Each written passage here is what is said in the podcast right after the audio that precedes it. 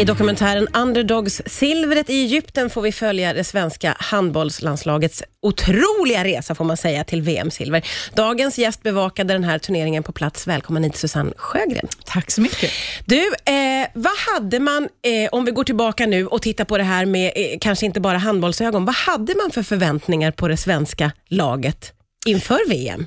Väldigt låga förväntningar, eh, därför att eh, dels med tanke på att, eh, att vi är och var mitt i en pandemi och av den anledningen så var det många spelare som valde att backa, Ja. för att man vågade inte, för man litade inte på att internationella förbundet skulle kunna eh, behålla en bubbla som gjorde att man skyddades. Och, och många klubblag betalar stora premier och försäkringar för sina spelare och de var inte sugna på att släppa sina spelare heller.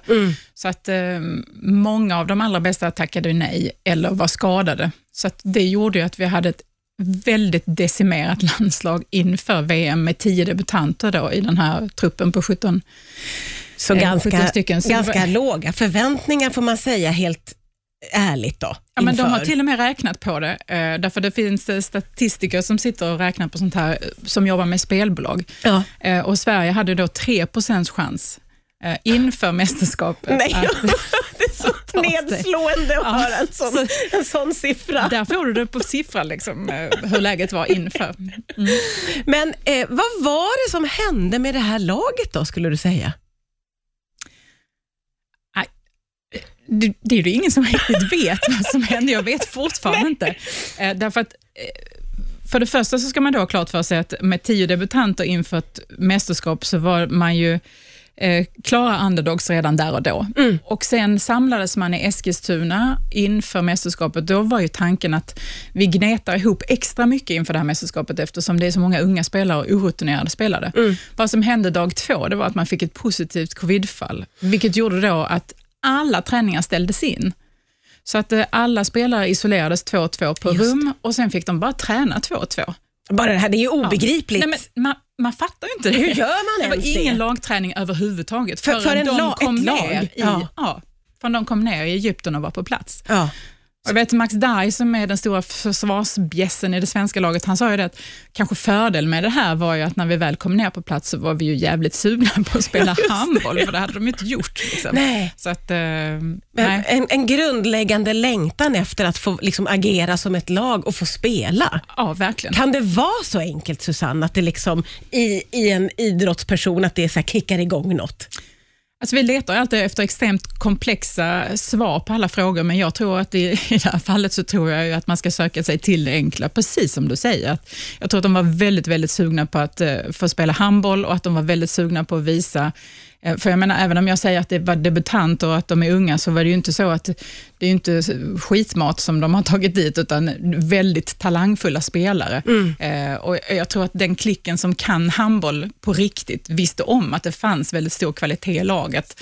Men jag menar, eh, se- sett till pappret för vem som helst annars, så, så eh, var det här ju verkligen ett, så här, ett vitt blad. Ja, det är så otroligt spännande och eh, jag har läst, förutom att jag har tittat på dokumentären, så har jag läst mycket om den och det är så eh, frapperande att det är många som säger, "Ja, jag är inte intresserad av handboll, men den här dokumentären, den verkligen rörde mig.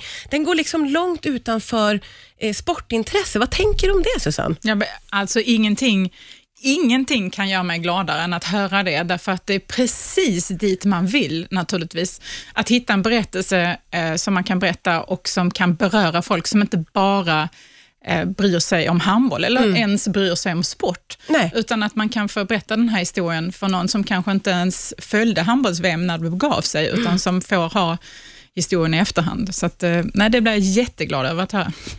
Och hur var det för dig som ju var på plats då under den här väldigt speciella turneringen, speciella omständigheter, pandemin och, och det här speciella laget. Hur, hur var det för dig? Väldigt annorlunda på väldigt många sätt. Kanske framför allt därför att vi som sportjournalister oerhört sällan delar hotell med de aktiva. Det är ju egentligen bara i friidrotten som jag har varit med om att man väljer att göra så och det gör man för att underlätta intervjusituationer eh, för, för atleterna och för, eh, för journalisterna.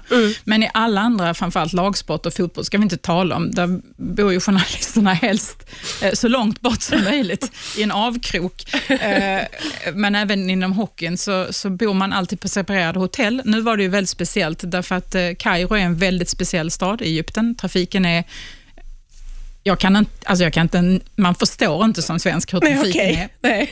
Och vi var inlåsta på ett hotell i tre veckor och fick inte lov att gå ut utanför grindarna. Eh, förutom i speciella shuttlar, bussar och mm. bilar som tog oss till arenan. Mm. Och av den anledningen, eh, framförallt grundat på att vi var så få journalister som var där, så lät man då journalisterna bo på samma hotell som de aktiva. Mm. Men det gjorde ju också att man, även om man inte umgicks med spelarna, så såg man dem ju hela tiden. Man såg dem i korridorerna, man såg dem i matsalen, och man såg dem eh, vid poolen och man såg dem i gymmet. Och ja. Någonstans så... Eh,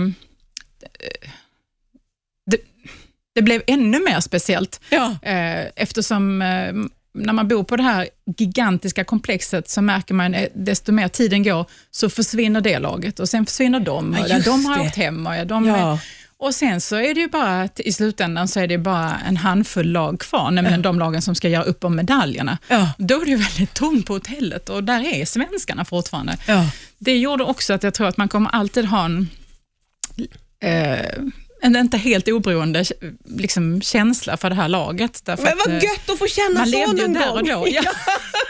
som oberoende sportjournalist, men någonstans så, nej men det här svenska landslaget, det, och efter 22 år som sportjournalist så, och oändligt många mästerskap som jag har varit på, både i fotboll och hockey, så, mm så var det ju också helt otroligt att få vara med om något nytt på det sättet. Att, eh, att få se och följa på så nära håll. Ja. Det blev ju nästan dokumentärt där och då, ja, liksom bara genom att vara där på det sättet. Sån unik upplevelse mm. alltså. Eh, du, du berättar ju saker för mig här nu Susanne, som är liksom... Eh, det, vansinniga situationer uppstod, får man lugnt säga. Ja, ja det gjorde det ju. Alltså, det var ju på ett sätt så var det ju någonstans som att, att leva dokumentärt där och då, därför att eftersom man följde dem så nära, man var på samma hotell. Och Det gjorde ju också att vi fick ju ett enormt förtroende som vi fick förvalta, för vi fick ju mycket information som vi aldrig hade fått ta del av annars, mm. men som man fick hålla på. Där och då. En väldigt rolig historia som framkommer i dokumentären var att eh, Lukas Pellas, som är eh, vänsterkantspelare eh, i det svenska laget, skulle få gå in och spela från start i match nummer två. Eh, och han var, väl, han var supertaggad för det och man kan säga att det enda viktiga för en handbollsspelare att ta med sig när det gäller utrustning, det är ju sina skor. Ja. Och här handlar det också om att de har individuella skosponsorer, så det är ju viktigt att skorna ja. kommer med och det är viktigt att skorna gissar jag, eller hade jag alltid trott påverkar spelaren mest av ja, det. det. som de har på sig. Självklart, ja. Eh, han glömde sina skor på hotellet och det gjorde då att eh, det var helt omöjligt med den trafiken som var i Kairo och det gjorde att han, eh, han hade inga skor.